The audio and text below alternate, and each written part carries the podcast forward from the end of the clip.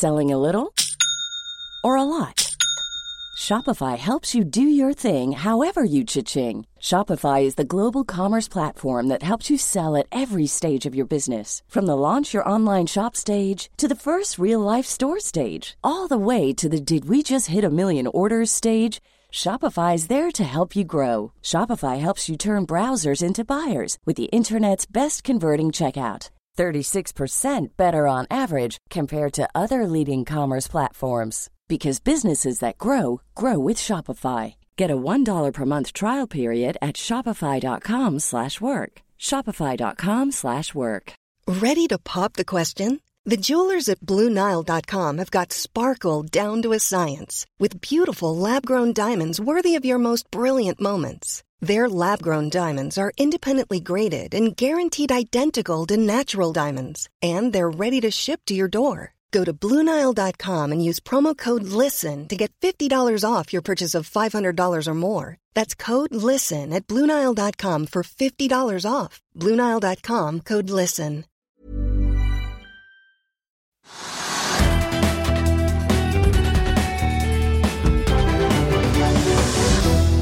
En riktig god ettermiddag alle sammen, og velkommen til Økonominyhetene. Ja, det er endelig fredag, det er snart helg, vi er i gang med en ny måned. Det er jobbfredag i USA, når vi nå bare er en snau time unna å få de rykende ferske non-farm payrolls-tallene i hånden. Mitt navn er Marius Lorentzen, velkommen, og veldig hyggelig at du ser eller hører på oss. Mens vi venter på jobbtallene, så skal vi høre litt om kvartalstallene fra SAS. Vi skal snakke bil mot slutten av sendingen, og ikke minst så skal vi snakke med hun som nå skal være det vi vel kan kalle Norsk Energileverandørindustris sin nye ambassadør, tidligere tekniksjef Ann-Kristin Andersen er min gjest om litt, og hun er da nyutnevnt sjef i Norwegian Energy Partners. La oss sitte litt på markedet før vi tar inn eh, gjestene. Hovedveksten på Oslo Børs opp eh, litt over prosenten nå, etter at vi altså endte august opp 0,85 samlet sett. Rundt i Europa så er det grønt på de fleste børsene, med unntak av i Tyskland.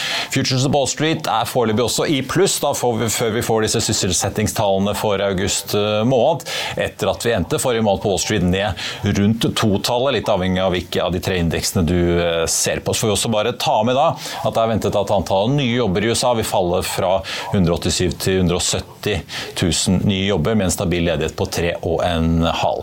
Oljeprisen, i hvert fall nordsjøoljen, Brenten, snuser snart på 90 dollar fatet. Vi ligger opp nesten halvannen prosent i dag til 87,90. Har steget ganske mye de siste dagene. Den amerikanske lettoljen ligger på nesten 85. Og så har vi også da sett at det har kommet streikevarsler i Australia mot to av Chevrons anlegg der på LNG, som også bidrar til å støtte opp om gassprisen her i Europa. Vi må nevne Norske Skog, som er ned 3 i dag. Konsernsjef eh, Tore Hansesætre går på dagen, bare tre måneder etter at han begynte 1.6. Han har vært i Norske Skog i 14 år, men i eh, en børsmelding i morges står det at han nå søker nye karrieremuligheter utenfor selskapet. Inn kommer ingen ringere enn Geir Drangsland, mannen bak byggevareselskapet Bygma, som også kontrollerer en fjerdedel av Norske Skog. PGS stiger nesten 7 i dag, etter at de torsdag meldte om at de har sikret forhåndsfinansiering for tredje multiklientseismikk utenfor kysten av Malaysia. Tomra også ned snaue 2 i dag, i kjølvannet av torsdagens rykter om, eh, fra Storbritannia får jeg si, om at innføringen av deres nye pantsystem utsettes til minst 2026, som jo ABG omtalte i et eh, notat. Vil du bli oppdatert på det viktigste som har skjedd innen finans og næringsliv? Da er det bare å følge med, for hver morgen er jeg, Marius Lorentzen og aksjekommentator Karl Johan Malnes på plass i studio for å ta tempen på dagens marked i Børsmorgen. Og hver ettermiddag oppsummerer vi alt du trenger å vite i Økonominyhetene, og det blir selvfølgelig masse interessante gjester. Klikk deg inn på fa.no-tv, eller søk opp Børsmorgen og Økonominyhetene der du hører på podkast.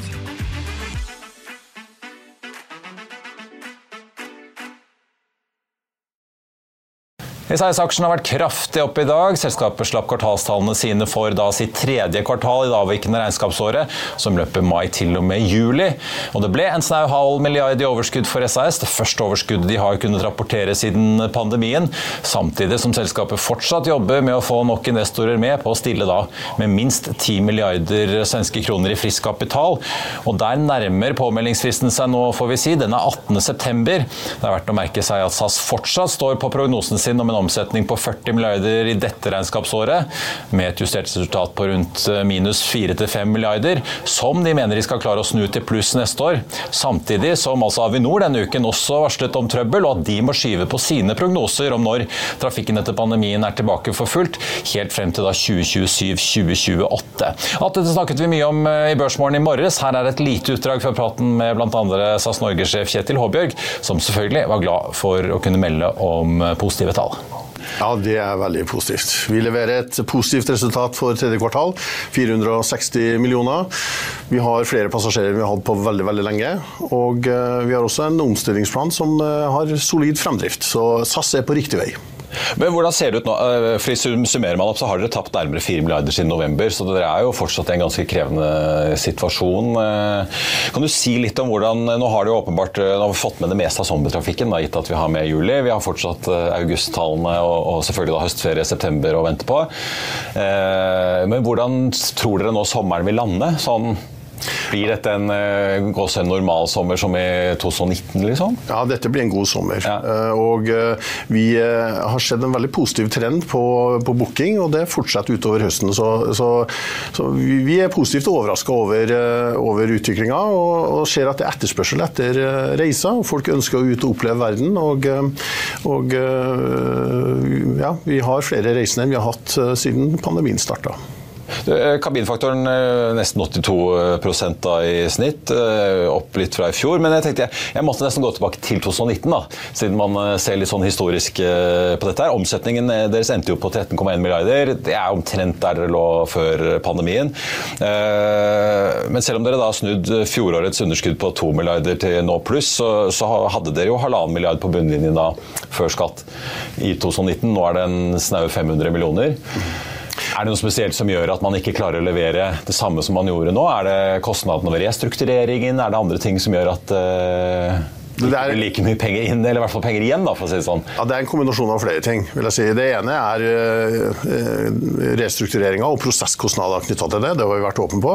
Det er også sånn at vi i denne chapter 11-prosessen ikke kan bokføre en del av de forbedringene vi gjør, før det, vi er ute av det, slik at det også påvirker tallene. Men jeg tror det viktigste uh, forskjellen fra 2019 er jo at markedet har endra seg. Vi ser jo annen, et annet marked nå, hvor forretningsreisende er noe mindre, mens, mens fritidsreisende er noe mer. og det betyr at F.eks. At, vi reiser, at vi har lengre flyturer enn vi hadde tidligere, slik at dette også påvirker eh, selskapet. Og Det er da den omstillinga som SAS eh, nå er midt inne i, og som vi har eh, gode ambisjoner om å komme oss ut av lønnsomt.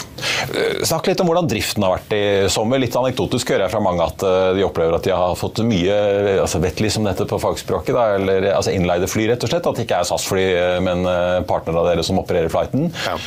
Geir Karlsen, sjefen i Norwegian, sto og skrøt at jeg kan i hvert fall si for første gang på mange år har de ikke brukt noe innleide fly denne sommeren. Har, har dere bommet litt på planleggingen av fly, crew, eller hva er det som gjør at uh, hvert fall Det virker som passasjerene syns det er mye mer bruk av innleie enn før? Ja, det er riktig at vi har brukt innleie denne sommeren. Og Årsaken til det er at eh, vi øker produksjonen ganske kraftig uh, fra um, februar-mars og til sommeren i år.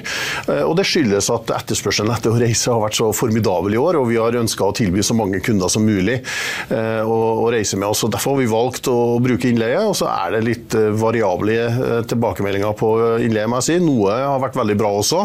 Eh, men det er klart at dette er midlertidige løsninger som vi ikke ønsker oss. Så for neste sommer så skal vi produsere sjøl, slik at vi kan sikre den kvaliteten vi vet vi er kjent for.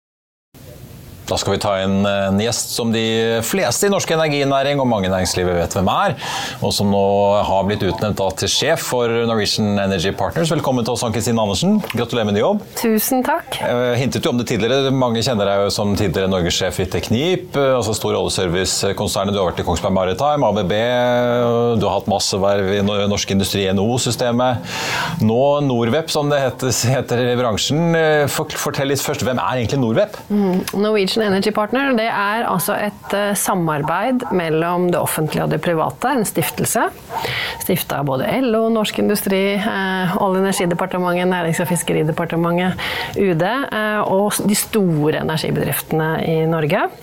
Og, og målet til Norweb er jo å matche de gode norske energiløsningene vi har, med behov som finnes der ute i det internasjonale markedet. Du er nesten et slags sånn Innovasjon Norge på si? Vi, vi, er en del av virkemiddelapparatet sammen med våre partnere Innovasjon Norge og Eksfin, og ikke minst stasjonssjefene til UD eh, i, innenfor energi. Og så er vi spydspissen innenfor ekspertisen da, på energiområdet. Men gitt det at eh, altså budsjettet ditt finansieres jo både over statsbudsjettet, eh, LO og NHO-systemet, en del enkeltbedrifter også er med, men betyr det også at siden dere er på statsbudsjettet at dere får innpass på ambassader og på en måte med det, det offisielle Norge mye bedre enn det andre gjør, da, eller? Vi, vi sitter med, med, boots on the ground, som vi kaller det. Vi har gode folk som sitter ute og kjenner eh, kundene der ute.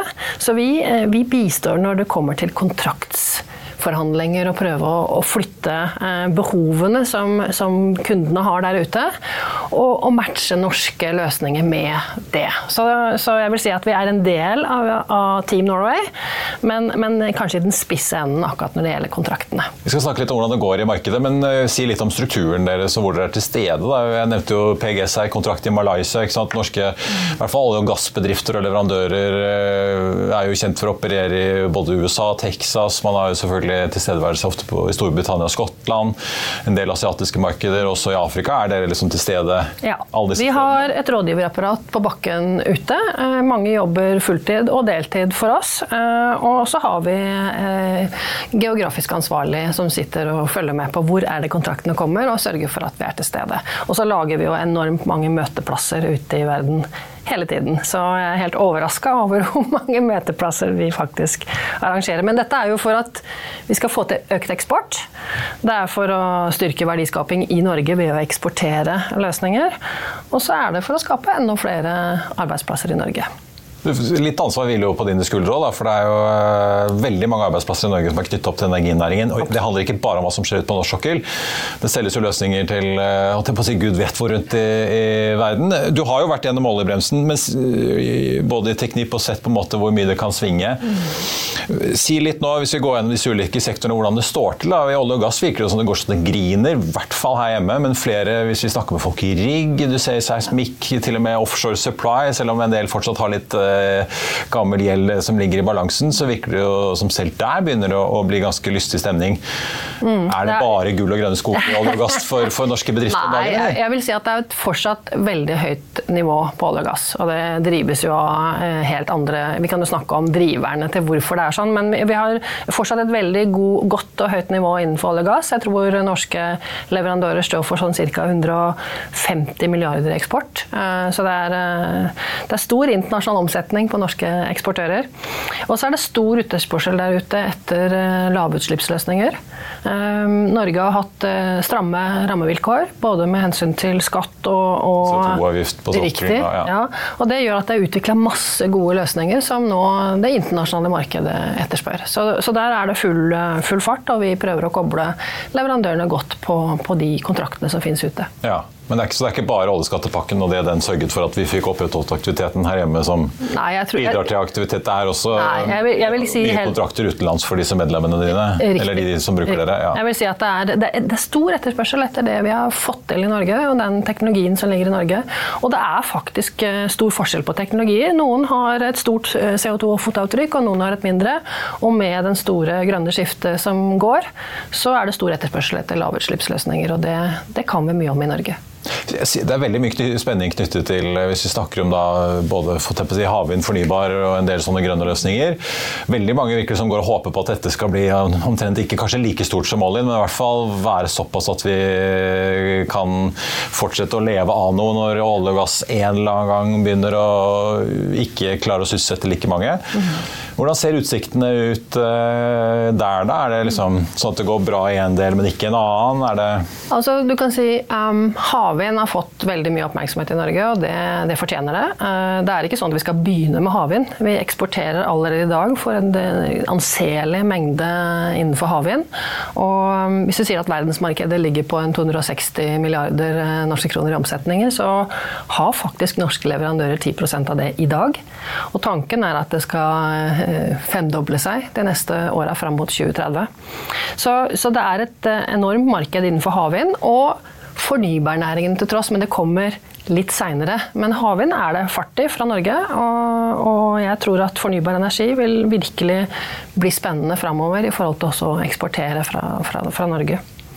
Så fra deres ståsted, altså Vi har jo nå vært gjennom en periode hvor i hvert fall på børs så ble veldig mange av disse grønne selskapene og grønne satsingene hypet veldig. Så kom rentene og økte kapitalkostnader og spente ben på mange prosjekter. Vi så senest uh, dette hydrogenselskapet Hyon, uh, som gamle eksportglidesjefen Otto Søberg er styreleder for, som de bare var avblikket hele, hele selskapet. Fordi at hydrogen i maritim sektor, det, det markedet tar ikke av like fort som de har håpet på. Så har vi sett Ørsted, den store fornybargiganten uh, i Danmark, denne uken varsle nedskrivninger på inntil 16 milliarder danske kroner til, på toppen av 2,5 som kom i januar. Store tap på havvindsatsingen i USA. Vi vet at leverandørene der, Restas og Siemens, sliter også mye. Merkes det også på aktiviteten på de norske bedriftene? Du kan si, jeg tror det har vært At det er eh, vanskeligere å få kapital, liksom, ja, al, Alt, alt, det der er vanskelig. Men, jeg, men la meg begynne i, i, andre enden av dette. Altså, vi skal ha et grønt skifte. energitransisjonen, den skjer. Og, og havvind er en utrolig viktig energikilde som skal inn i energimiksen. Det er ingen tvil om det, og det bygges prosjekter i dag. Så er det ikke sånn at uh, dette er uh, Nå ser vi jo utbyggerne, kostnadsoverskridelsene nå, og de ser selvfølgelig med inflasjonen at de får en økt kost på finansiering finansiering. Og så har vi sett gjennom covid og krigen i Ukraina at uh, forsyningskjedene har blitt eh, utfordra. Mye av innsatsfaktorene som stål osv. Det, det gir økte kostnader, og det har leverandørene merka lenge. Turbinleverandørene som du nevnte har slitt med å tjene penger.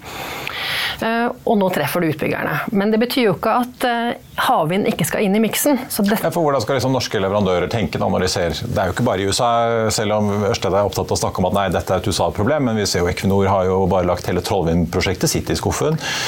Så det, jo, det virker jo som det er eh, en slags sånn rekalibrering av hele sektoren, egentlig. Skal man jeg, jeg, jeg synes det er å ta... Hvordan skal man operere som leverandør, ja, da? Jeg, jeg syns det er for hardt, å ta for hardt i. Er jeg for streng nå? Jeg, jeg, tror du er for streng. Jeg tenker at kostnadsutviklingen, kurven på havvind som teknologi, den har gått veldig raskt ned.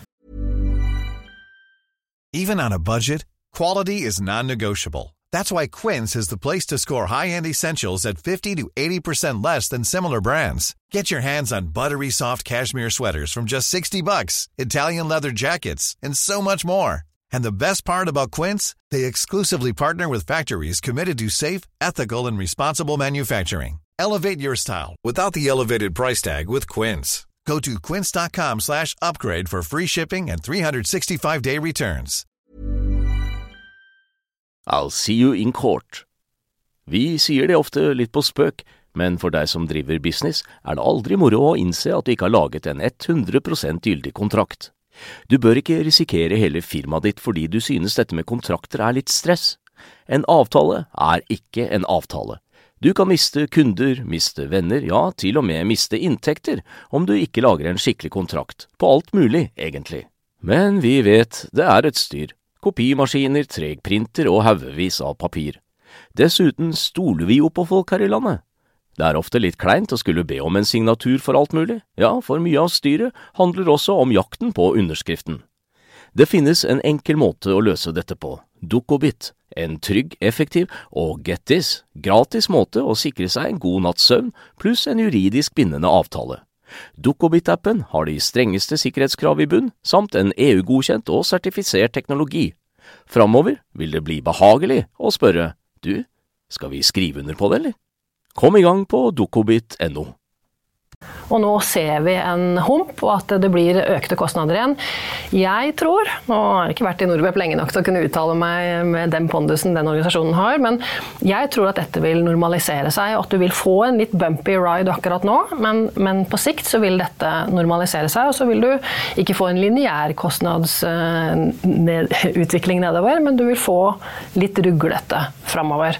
Og leverandørene eh, de har jo kjent på dette en stund, eh, og Norweb har vært ute flere ganger. Jeg har jo sjøl eh, vært med på et entry-program for havvind, hvor det snakkes mye om at risikoen i kontraktene på havvind er eh, Du må forstå hva du driver med, fordi at det er fastpriskontrakter, og det er ikke så lett å få sympathy claim som du kan få i en Ja, for Det gjelder jo ikke å bli sittende med svarteper som da norsk leverandør da, i dette spillet her med Så du, du må kjenne din kontraktsregime godt, og du må forstå hva du begir deg inn på. Men jeg tror at eh, norske eksportører og leverandører er veldig godt posisjonert til å, å, å styre denne risikoen. De har god erfaring, og jeg er helt overbevist om at når vi får skala på dette, så blir det, blir det et godt marked også for norske leverandører. Men, men Hold ut og pass på vilkårene, ja, ting tar tid. Det gjelder å finne tar disse Da, Kristin, eh, før vi runder av til slutt, så tenkte jeg jo det er veldig mange som selvfølgelig er veldig spent på hvordan det går da med de to norske eh, havvindauksjonene som skal skje.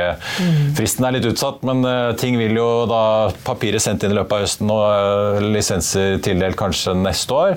Starten av neste år. Dere skal også ha en stor konferanse her i Oslo på Ullevål stadion i november, hvor jeg vil tro kanskje mange av de som vil kaste seg med på dette vind, denne vindsatsingen i Norge, kommer også. Ja, jeg har bare lyst til å si um, Det er sånn at det som er flott med å ha prosjekter i Norge I olje og gass så har vi jo på norsk sokkel kun brukt det som laboratorium og eksportert løsningene. Mens på havvind så må vi faktisk trene ute for å bli konkurransedyktige når prosjektene kommer hjemme. Og det som skjer på, på Ullevål med International Energy Forum i 13. og 14. november, det er at da kommer jo hele det internasjonale markedet til Norge for å lytte og se hva er det som fins i det norske energispacet.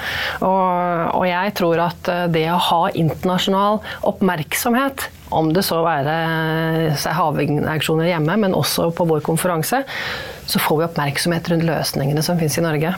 Så, så jeg er veldig glad for at eh, norske leverandører satser. Og Og det kommer kanskje også, En ting er jo havvind, men det kommer kanskje noen olje- og gassaktører òg. Noe som Absolutt. Vi skal ha eh, norsk sokkel er hottere enn noen gang, nesten. Riktig. vi skal ha, du kan si Det som norsk sokkel har, er veldig mange interessante løsninger for kontrakter ute. Det er jo det Norwep hjelper til med. Å hjelpe, matche norske eh, leverandører med kontraktene som finnes ute. Får vi si På vegne av eh, norsk næringsliv og norske eksportører så vil jeg si lykke til i jobben.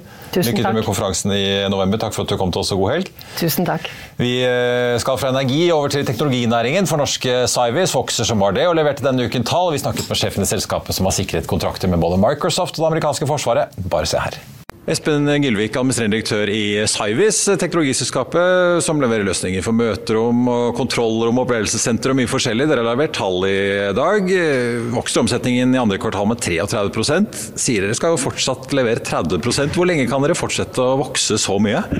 Ja, det er et veldig veldig godt spørsmål. Nå er, nå er vi ganske fornøyd med de resultatene vi leverer for andre kvartal, og ikke minst første halvår, hvor veksten er over 50% i omsetning. Eh, Det er få tegn i markedet i dag som vi klarer å se innenfor det vi driver med, som skulle indikere at den veksten skulle flate ut eller avta. Eh, Og vi har jo ganske god visibilitet på hvordan pipelinen vår ser ut for andre halvår. så så langt ganske optimistisk i forhold til at vi skal klare å levere på de forventningene. Eh, og ikke bare 2023, men også godt inn i 24 og 25. Så markedet vårt er jo mange titalls milliarder dollar i året. Eh, og vi tar jo fortsatt bare en liten flik av det markedet. Men det er fortsatt blant de fire store. Eh, så det sier jo litt om hvor fragmentert markedet er òg. Så jeg tror i løpet av de årene så kommer vi til å oppleve en ganske god vekst. Både organisk og potensielt også gjennom selvfølgelig mulige oppkjøp. Dere leverer jo til eh, forsvarsmarkedet, det amerikanske forsvaret. Dere har landet en kontrakt med Microsoft eh, i sommer. Eh, Er det forskjell i privat sektor og offentlig sektor nå i viljen til å bruke penger på løsninger som dette her, eller ser dere at noen begynner å stramme inn pengebruken? Nei, vi har sett eh, tidligere noen tegn på at det kanskje noen store internasjonale, først og fremst eh, selskaper i privat sektor, har gjort noen grep. Det er jo ikke ukjent at både selskaper som Microsoft og Accenture og mange i den type tech-industri, det er seks til ti måneder bak i tid, gjorde noen grep i forhold til å redusere bemanning og kostbasen sin. Eh, det påvirker jo farta i den perioden i privat sektor. Fordelen vår i dag kontra for fire-fem år siden, er at vi har en langt mer diversifisert portefølje av vertikaler. Så vi har alltid muligheten til å liksom dra veksler på energi og forsvar og andre hvis vi ser at det er en kortsiktig slowdown andre steder. Forventer for så vidt at privat sektor eh, begynner å ta seg opp igjen nå i andre halvår. Vi ser vel gode tegn på det når jeg går tilbake i pipelinen. Eh, så da begynner det å få en interessant dynamikk hvor det er kraftig vekst i offentlig sektor og en positiv utvikling i privat sektor. Hvordan ser ikke forsvarsmarkedet ut eh, nå, da? Gitt at dere har kontrakter i det segmentet allerede, så kommer Sverige og Finland inn i Nato. Eh, pengebruken på forsvarsbudsjettene generelt har jo økt voldsomt etter Ukraina-invasjonen? Ja, altså, På mange måter så er det jo en positiv effekt av en tragisk hendelse, eh, som markedet generelt ser, og som vi også opplever. Vi har en kraftig eh, forbedra vekst i forespørsler fra forsvarskunder, eh, og da spenner det egentlig over alle disipliner. Eh, fra fly, marine, land til de mer hemmelige delene av forsvar rundt omkring i verden. Og det er, det er ikke bare i det amerikanske markedet eller i Europa. Altså Vi ser det på tvers av Asia, egentlig Midtøsten også, på samme måte som det vokser i Europa og USA. Så Forsvaret er og kommer til å være en viktig del av både forretningsområdet vårt, men også veksten framover. Uh, dere skriver at dere lanserer en ny hva skal vi kalle programvareplattform uh, nå til høsten. Hva innebærer egentlig det? Altså, I dag så leverer jo vi løsninger til kunder som består av en del kjerneteknologi lagd av oss. Det er jo noe av det som differensierer oss fra de andre store globale som kjøper av produsenter, og så lager de skreddersøm av de tingene ut hos kunder. Uh, det er kanskje hovedessensen av hvorfor våre løsninger virker bedre, og kundene er langt mer fornøyd med våre løsninger enn de alternativene som er der ute. Så har vi jo brukt litt tid internt for å se hvordan kan vi hente ut langt mer verdi og skape nye produkter og tjenester av den historien, av den teknologien vi har i selskapet. Og så har vi ikke rusha dette. Eh, det var jo mange som kasta seg på under covid fordi det var hjemmekontor og det var behov for den type ting. Men vi har valgt å ha fokus på å lage en arkitektur som er både fleksibel og skalerbar for oss. Og selvfølgelig også for et partnerøkosystem som kan plugge sine integreringer eller plugins og managed service på toppen. Vi tror det er langt mer lukrativt for å engasjere et partnernettverk globalt. og Det skaper jo mye større markedsmulighet. Og selvfølgelig også en mye bedre løsning for kunden, som slipper å ha mange plattformer for å håndtere den mengden av data som kommer fra AV, IT, IOT, sensorer. Altså i alle typer bygg. Og plattformen vår er optimal, ikke bare for den type tjenester vi leverer, men for alle typer bygg. Og Da kan man jo begynne å regne på hvor stort er det globale markedet hvis man tar absolutt det som finnes av bygg, som har masser av data inn, men som ikke greier å få de dataene prosessert til noe meningsfullt. Så PT ingen andre aktører i vår industri som har en plattform som håndterer både den type monitorering av den bredden, men også da tilgangen til både remote access til dette og kunne gjøre remote support. Så vi har ganske store forventninger eh, over tid til at dette her kan bli en fantastisk ny dimensjon til det vi driver med som selskap, og flytte oss mer og mer over til å bli et plattform- og teknologiselskap som greier å levere det beste av de to verdenene. Eh, til slutt, eh, hvis man ser på dette som eh, enten investor eller potensiell investor i, i selskapet, så genererer det ikke en kontantstrøm ennå som er i pluss. Er det sånn at dere vil trenge å hente finansiering fremover for å opprettholde all denne veksten som dere tross alt leverer? Så det er jo et relevant og godt spørsmål, hvis man liksom bare ser på tallene. Så er det en kraftig forbedring av kontantstrømmen sammenligna med for et år tilbake i tid. Jeg tror over 70 millioner forbedring bare nå. Og Det betyr jo at en del av de tiltakene vi har iverksatt, begynner å betale seg. I tillegg til at du får en selvfølgelig cash-effekt av at veksten fortsetter på topplinje. Og så er det sånn at Når du jobber med prosjektsalg og løsningssalg, så svinger jo ting litt i forhold til når du signerer kontrakter, når du må betale, når du kan hente pengene. Men vi jobba ganske systematisk nå ved å forlenge betalingsfristene våre på leverandørsiden og kutte ned betalingstiden på kundesiden som et viktig element for å bedre cashflowen. Og så vil jo selvfølgelig nye tjenester som er abonnementsbasert og langt mer forutsigbare, hvis de får en substansiell andel av totalen, bedre cashflowen betraktelig. Så Foreløpig ingen tegn som tyder på at vi har noe behov for å hente noe ny kapital. Skulle det skje, så måtte det være spesifikt knytta til at vi gjør en eller annen form for oppkjøp som krever en større mengde cash som en del av betalingen. Men for å drive butikken og drive veksten, så er det ingenting som tyder på at vi må hente noe mer penger akkurat nå. Det er eh, snart helg, og La, La Deutsche må jeg ha tungen rett i munnen her. La Deutsche Vita kan du lese om, eh, Andreas Scheel, redaksjonssjef i FA Motor i helgen.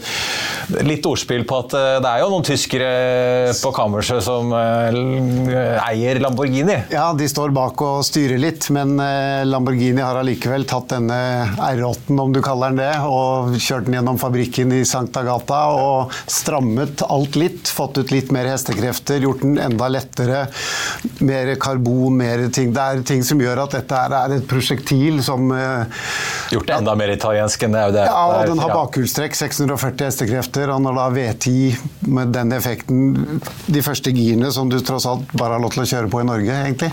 På toppen der så er det som å sitte på en kanonkule, men, ja. og du bråker, og det er veldig gøy. Det er fortsatt gøy selv med EU-krav til lyd og alt mulig som har kommet? Ja, da, de ja. gjør så godt de kan, men eh, de klarer ikke å stoppe det helt. Nei, men det er bra Italias sjarm ikke er helt uh, forduftet.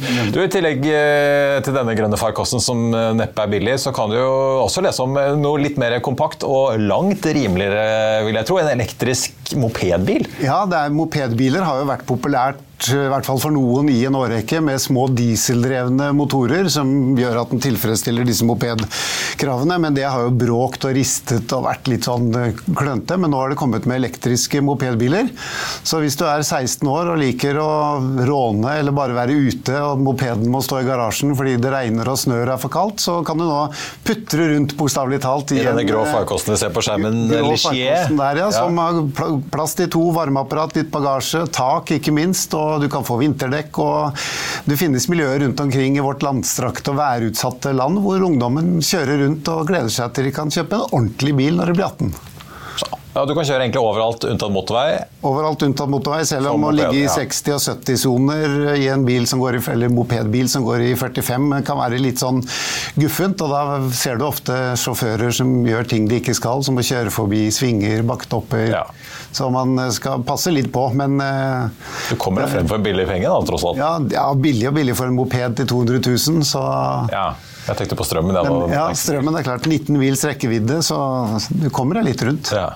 Og attpåtil, dere har rukket å teste rekkevidden på øh, plug-in-hybriden Range Rover Sport, nye som er kommet? da? Ja da, og min kollega Håkon kjørte litt lenger enn den VLTP-rekkevidden til og med. Oi. Så nærmere 12 mil uten å måtte fylle bensin. Så da er det bare å suse rundt. Britene leverer? Absolutt. Vi får uh, kose oss med det i helgen, Andreas. Takk skal du ha, og riktig god helg. I like måte. Det ser ut til å bli øh, den får vi si, sjette dagen på rad med oppgang på Oslo Børs nå. Opp uh, fortsatt rundt prosenten, 0,92% til 1267 poeng poeng.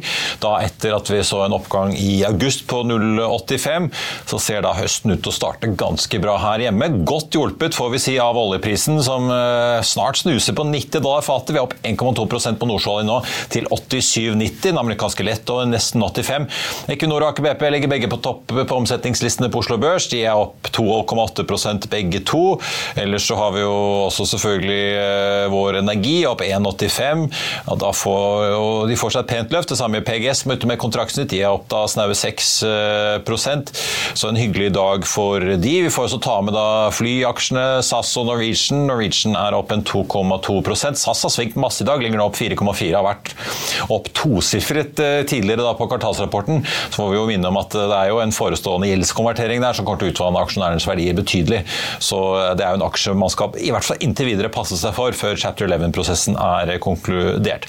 Så er det Norske Skog da som har byttet ut toppsjef eh, etter bare noen måneder. Den aksjen er nå 3 Der kom da storaksjonæren fra Bygma inn som eh, ny konsernsjef. Tomra også ned eh, drøye 2,5 da i dag.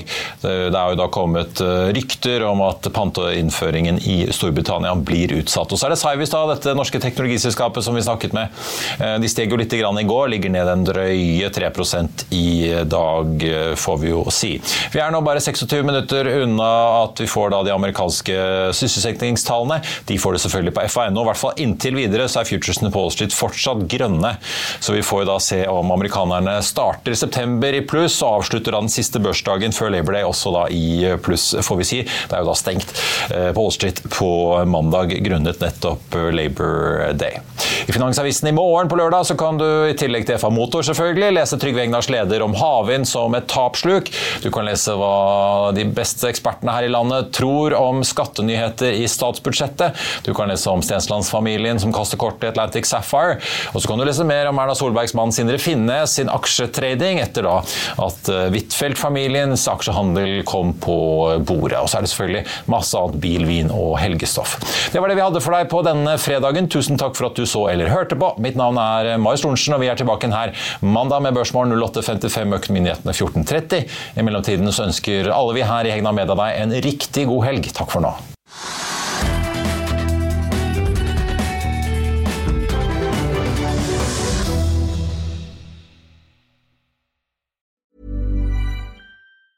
Hi, I'm Daniel, founder of Pretty Litter. Did you know cats tend to hide symptoms of sickness and pain? I learned this the hard way after losing my cat, Gingy. So I created Pretty Litter, a health monitoring litter that helps detect early signs of illness by changing colors, saving you money and potentially your cat's life. Pretty Litter is veterinarian developed, and it's the easiest way to keep tabs on your fur baby's health right at home. Go to prettylitter.com and use code ACAST for 20% off your first order and a free cat toy. Terms and conditions apply. See site for details. Økonominyhetene er en podkast fra Finansavisen. Programledere er Marius Lorentzen, Stein Ove Haugen og Benedikte Storm Bamvik. Produsenter er Lars Brenden Skram og Bashar Johar. Og ansvarlig redaktør er Trygve Hegnar.